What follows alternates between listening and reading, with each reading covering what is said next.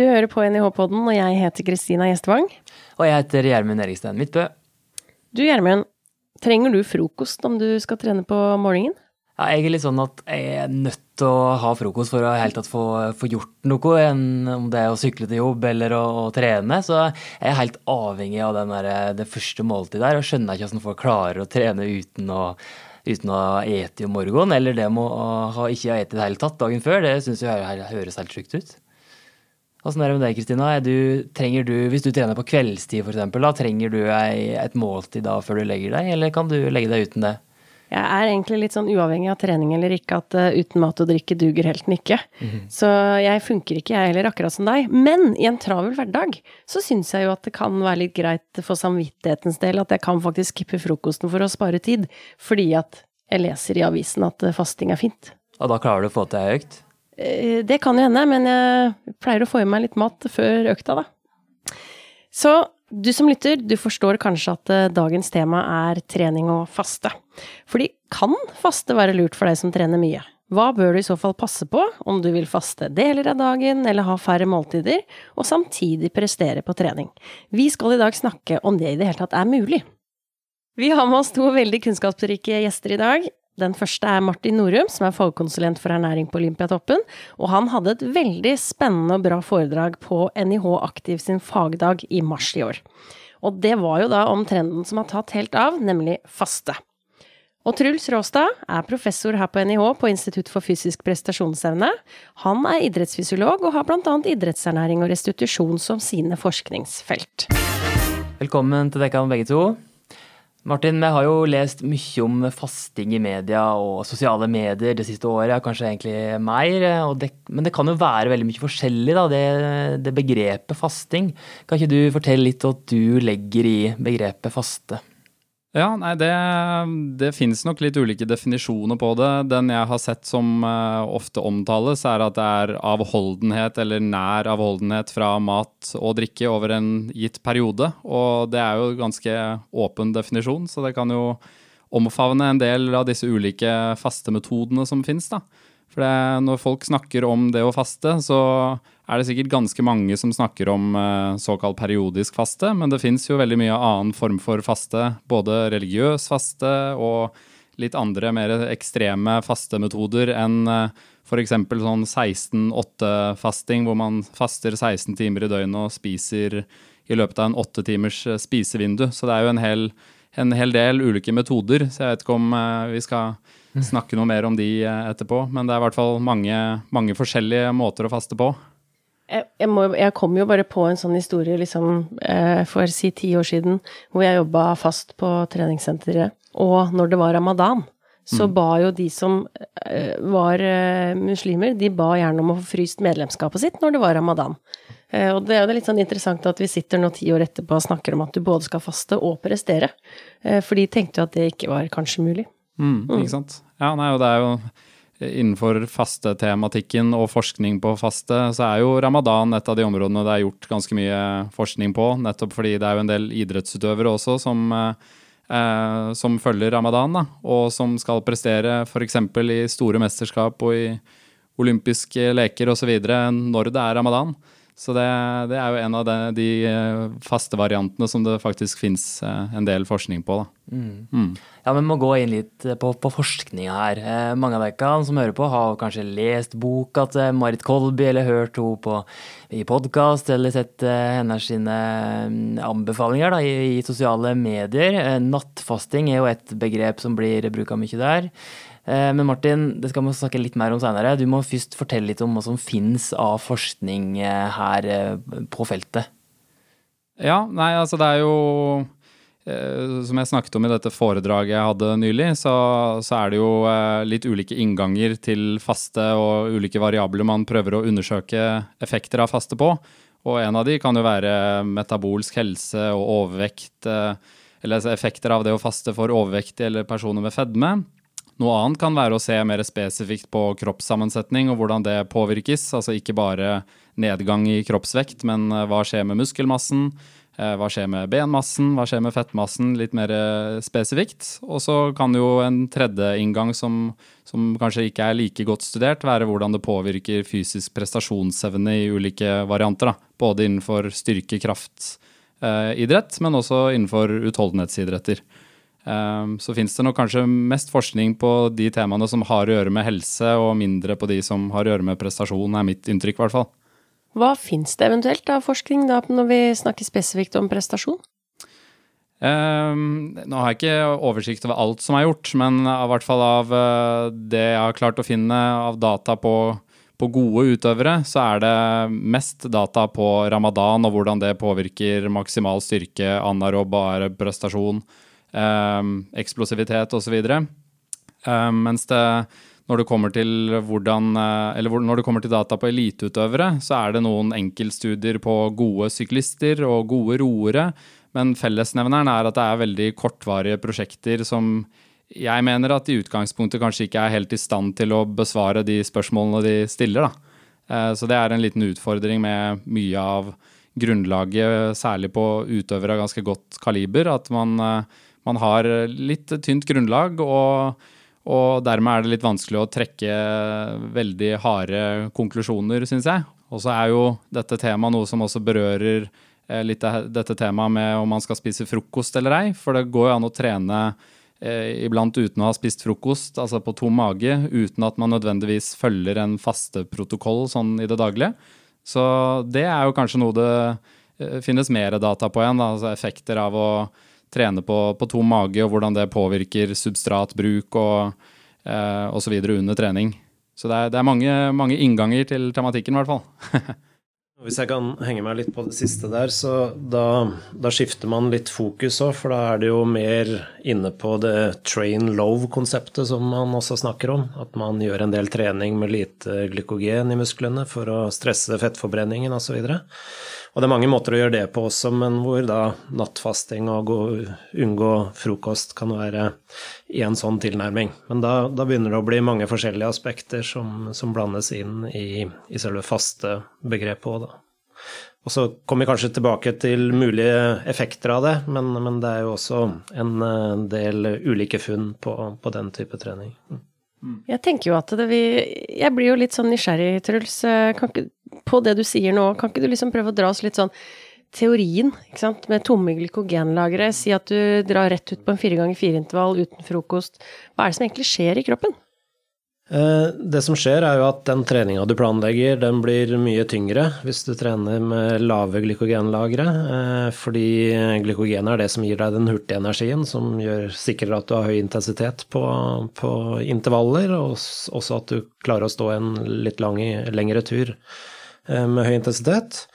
Så du øker stresset som den treninga gir. Eh, men samtidig må de også, fleste også redusere den absolutte intensiteten litt. Altså at man må ned litt på hastighet, eller, eh, eller hvordan man måler intensiteten. Da. Men, men, det er på en måte å, å, å, regulere det stresset som treningen skal gi, for å få en treningseffekt seinere. Eh, så enten så kan du da trene litt hardere og få et hardere stress som gir en bedre effekt, eller du kan gjøre omtrent samme trening, og du kan spise mindre, som også øker stresset, og kan også gi en muligens i noen tilfeller en, en litt bedre eh, effekt. Så egentlig er det bare ulike måter som du regulerer stresset på kroppen med, med å kombinere trening og, og mat.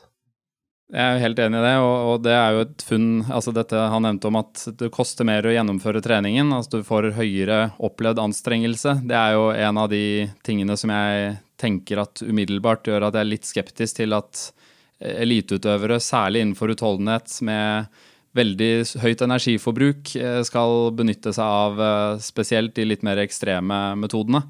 Og så kan man kanskje si at også innenfor utholdenhetsidrett så vil det jo være ulike faser gjennom en sesong der kanskje enkelte metoder kan passe bedre i en, type periode enn en annen. Men Eh, det å i hvert fall trene på, på, tom mage er jo noe man ser øker eh, aktiveringen av ulike sånne cellulære signalveier eller enzymer, og da er det jo en del spekulasjoner i at det å ha høyere aktivering av de liksom skal gi bedre treningseffekt. Men jeg har vel inntrykk av at det er litt sånn begrenset med funn i at det faktisk leder til bedre fysisk prestasjonsevne, på tross av at du ser sånne interessante cellulære tilpasninger. da. Ja, det er kjempeviktig. Fordi det det begynte med, var studier på helt utrente personer, egentlig.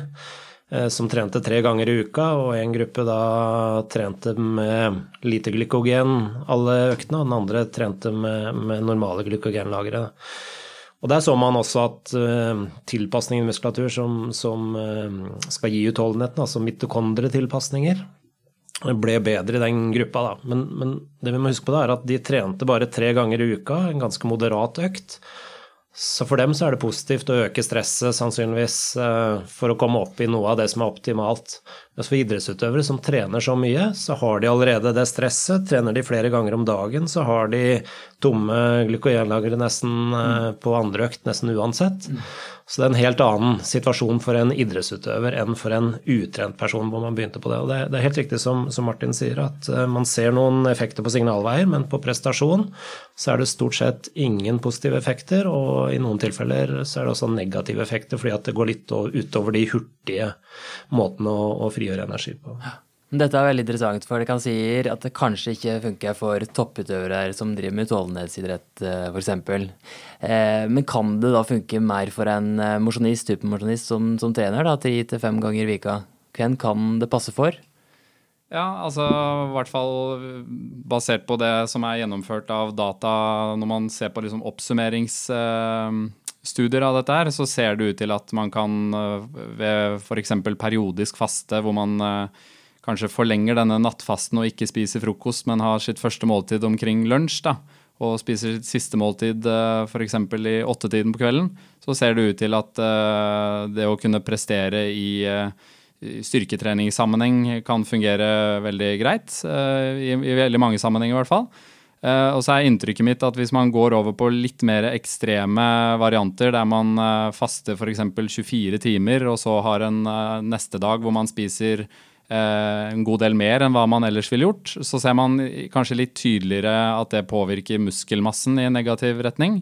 Men i hvert fall i, i den oppsummeringsartikkelen jeg har sett uh, som er ferskest, så ser det ut til at det alt i alt kan fungere ganske bra. Men så er det også viktig å synes jeg, se litt nærmere på hva man da sammenligner det å faste med. fordi i en, del, uh, i en, del, av disse prosjektene så sammenligner man jo det å følge en eller annen fasteprotokoll med at en annen gruppe, som er en kontrollgruppe, bare følger sitt habituelle kosthold. Um, og det kan kanskje være helt greit i noen sammenhenger, men hvis man er ute etter å se på hvordan dette påvirker fettmassen f.eks., så er det jo ikke sikkert at uh, den kontrollgruppen som uh, følger sitt habituelle kosthold, er i noe negativ energibalanse, og at sammenligningsgrunnlaget kanskje ikke blir helt uh, fair alltid, da. Du har vært inne på at det kanskje ikke passer for topputøvere her. Er det andre som burde være forsiktige med å, med å prøve fasting? Altså, I hvert fall i, i sammenheng med, med, trening og idrett, så tenker jeg at alle som i utgangspunktet sliter med å imøtekomme energibehovene sine uh, fra før, kanskje bør frarådes å gjøre det. Fordi eh, på tross av at det kanskje i en del eksempler går an å få i seg like mye mat som man ellers ville gjort ved å følge ulike faste varianter, så er det, så er det ofte at det, ender med å ligge i negativ energibalanse. Sånn at man kanskje bare forsterker et allerede eksisterende problem. Da. Og så tenker jeg også at personer som fra før har et eh, anstrengt forhold til eh, mat og kropp, og som eventuelt har spiseforstyrret atferd eller en spiseforstyrrelse, de bør heller ikke bevege seg inn i denne, i denne måten å organisere matinntaket sitt på. Fordi det å ha veldig sånne faste regler som eh, disse metodene er eh, på en måte knyttet til, er assosiert med litt verre forløp for den gruppa. Så hvis man er i en, en, sånn gruppe, så vil jeg ikke si at det er noe spesielt god idé, med mindre man har avklart det med f.eks. en klinisk ernæringsfysiolog eller lege eller lignende.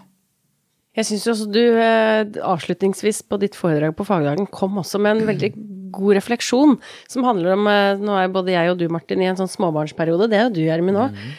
Og det handler om å påvirke barna våre også til litt uh, sunne retninger. At, at, ikke kanskje vi sitter ved frokostbordet, og så skal toåringen spise, men nei, pappa eller mamma skal ikke ha mat. Mm. Altså det også er jo Selv om vi er aktive og tenker at vi kanskje skulle gjort et eller annet for å se om det gir bedre prestasjon, men alt dette skjer jo i en mye større boble. Ja. Nei, man får, uh, får jo være um, litt oppmerksom på det at uh, hvordan vi organiserer vårt eget kosthold, gir jo en form for, form for, signal til barna våre. Så det er jo noe å tenke på, i hvert fall ta med i en vurdering. Og så er det jo sånn at de som hører på denne podkasten, lever jo sikkert ganske forskjellige liv, og noen er studenter og har bare seg selv å tenke på og føler at det kan være en metode som er enkel og praktisk å forholde seg til. Så det finnes nok eksempler hvor det kan fungere helt fint eh, også.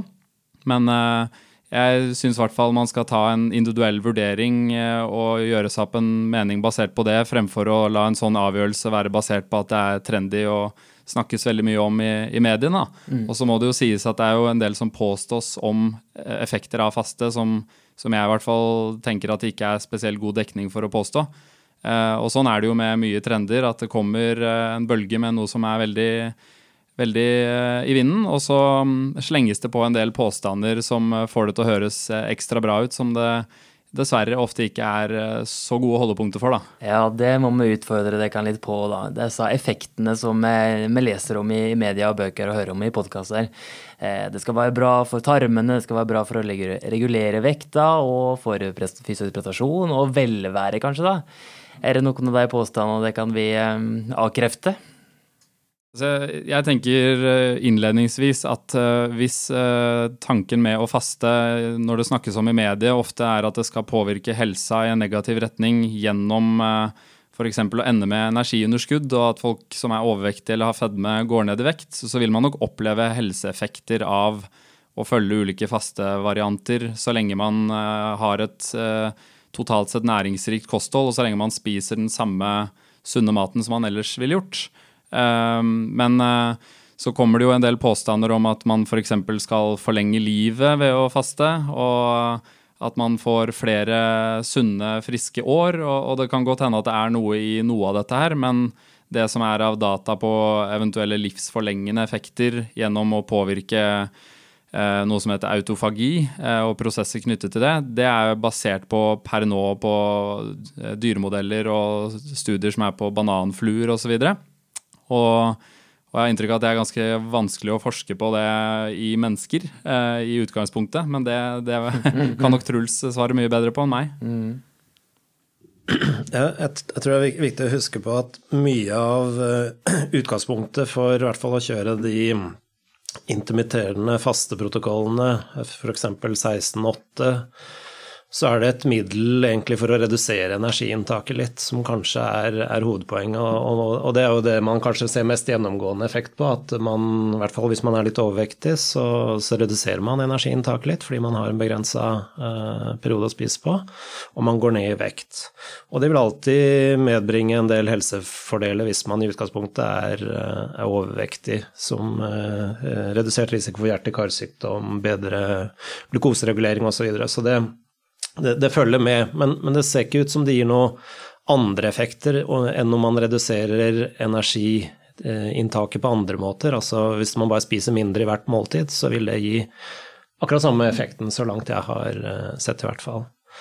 Eh, når det gjelder den autofagieffekten, altså hvor gode systemene våre er til å, å, å fange opp og fordøye f.eks. For ødelagte proteiner, strukturer som ikke eh, fungerer så, så, godt i muskulatur og annet vev, så er det også stort sett fra, fra, fra dyremodeller. Og, det vi i hvert fall ser med idrettsutøvere og de som trener mye, er at de systemene de er Eh, oppregulert og fungerer veldig godt hos eh, personer som trener regelmessig, for det er en viktig del av, av den remodelleringsprosessen du har etter hvert treningsøkt. Så, så der tror jeg ikke faste kan ha noe, noe ekstra å, å, å, si, så det tror jeg nok er, er mer en sånn innsalg, nærmest, for, mm.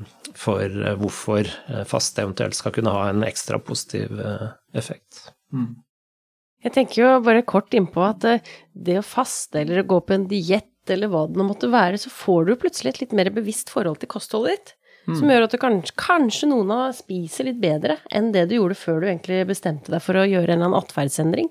Mm. Som kanskje, ikke sant, det er litt sånn konfunderende faktorer, altså faktorer som kan spille inn på resultatet i andre enden, da. Men så tenker man at det er fasten som er hovedårsaken, men så er det andre ting som spiller inn. Ja, det er sant. Jeg tenker i hvert fall at det suverent viktigste er at man følger noe man kan ha etterlevelse av. Eh, for det er det det ofte kommer ned til for ulike typer mål, enten det er eh, å gå ned i vekt eller å støtte opp om gode treningstilpasninger. Eh, det å ha ja, ha et kosthold som er bærekraftig. Da. Det er det som er uh, suverent viktigst. Og så går det an å strukturere måltidsfrekvensen sin på ulike måter uh, innenfor det, uten at noe må være helt feil eller helt, uh, helt riktig eller helt perfekt. så det blir jo litt sånn situasjonsbestemt, det der. Lyst til å fokusere litt på det som Martin nevnte tidligere, med at for personer som trener mye og har et stort Eh, energibehov, så kan faste være, være utfordrende. Og, og, det har man også sett i studier, at hvis man trener veldig mye, hvis man er kroppsbygger f.eks., så, så klarer man, eller har man i hvert fall store problemer med å få i seg nok mat eh, til å vedlikeholde det energiinntaket du trenger for å eh, beholde muskelmassen eller øke muskelmassen. Så selv om de fleste studier på fire til seks uker viser at uh, mosjonister klarer å beholde muskelmassen sin når de går litt ned i vekt med intermittent faste, så ser man at kroppsbyggere de sliter altså fordi de trener veldig mye mer og klarer ikke å spise nok, så energiunderskuddet blir altfor stort. Og man har også sett i de få studiene som er gjort i over lengre tid, det er en studie som er gjort i Italia over tolv måneder, så så man at man klarte å beholde muskelmassen de første månedene,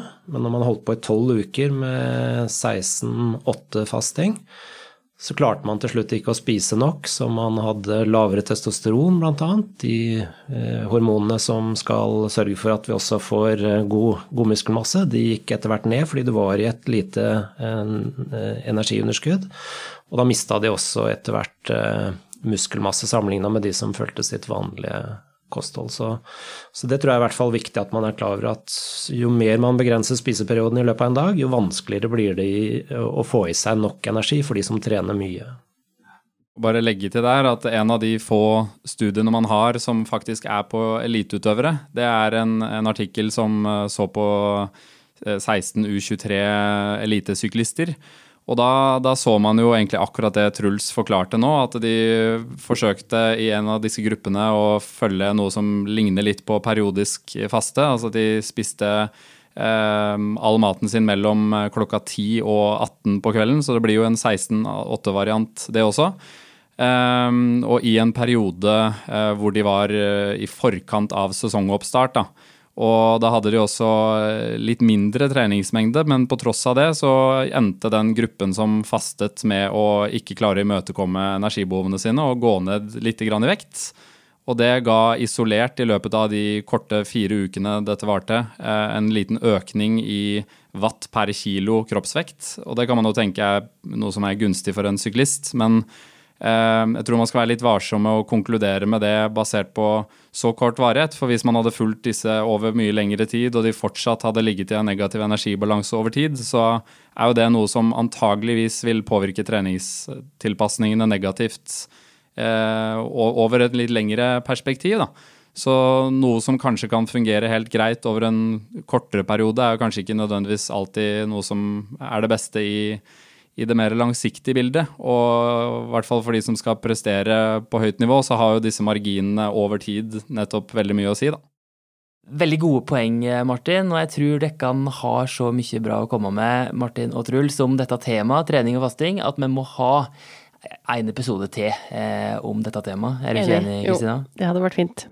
Vi må komme litt mer inn på åssen type mat det kanskje er viktig å få i seg da, hvis en velger å faste. Eh, om det faktisk er Om det kan vi anbefale dette her. Eh, den eh, hovedanbefalinga til, til mosjonister. Vi har jo skjønt at jeg kan ikke er så gira på å anbefale det til utøvere, iallfall, i, i ditt daglige virke på Olympiatoppen, Martin. men kan det være en anbefaling for en supermosjonist eh, som undertegnede? da? Eh, så dette her skal vi komme inn på. Kanskje jeg hører om det er noen norske utøvere som har gjort eh, forsøk med dette her. For det, for det vet jeg at jeg, iallfall, jeg lest om at eh, Didrik Tønstedt bl.a. har gjort Har jeg lest om i, i, media, så det skal vi komme mer inn på i neste episode. Jeg tror også at vi kommer inn på litt mer konkrete anbefalinger. Absolutt. Mm. Takk for at jeg kan komme så langt, Truls og Martin. Jeg gleder meg til å dykke enda mer ned i dette temaet. Mm. Vi høres. Bye.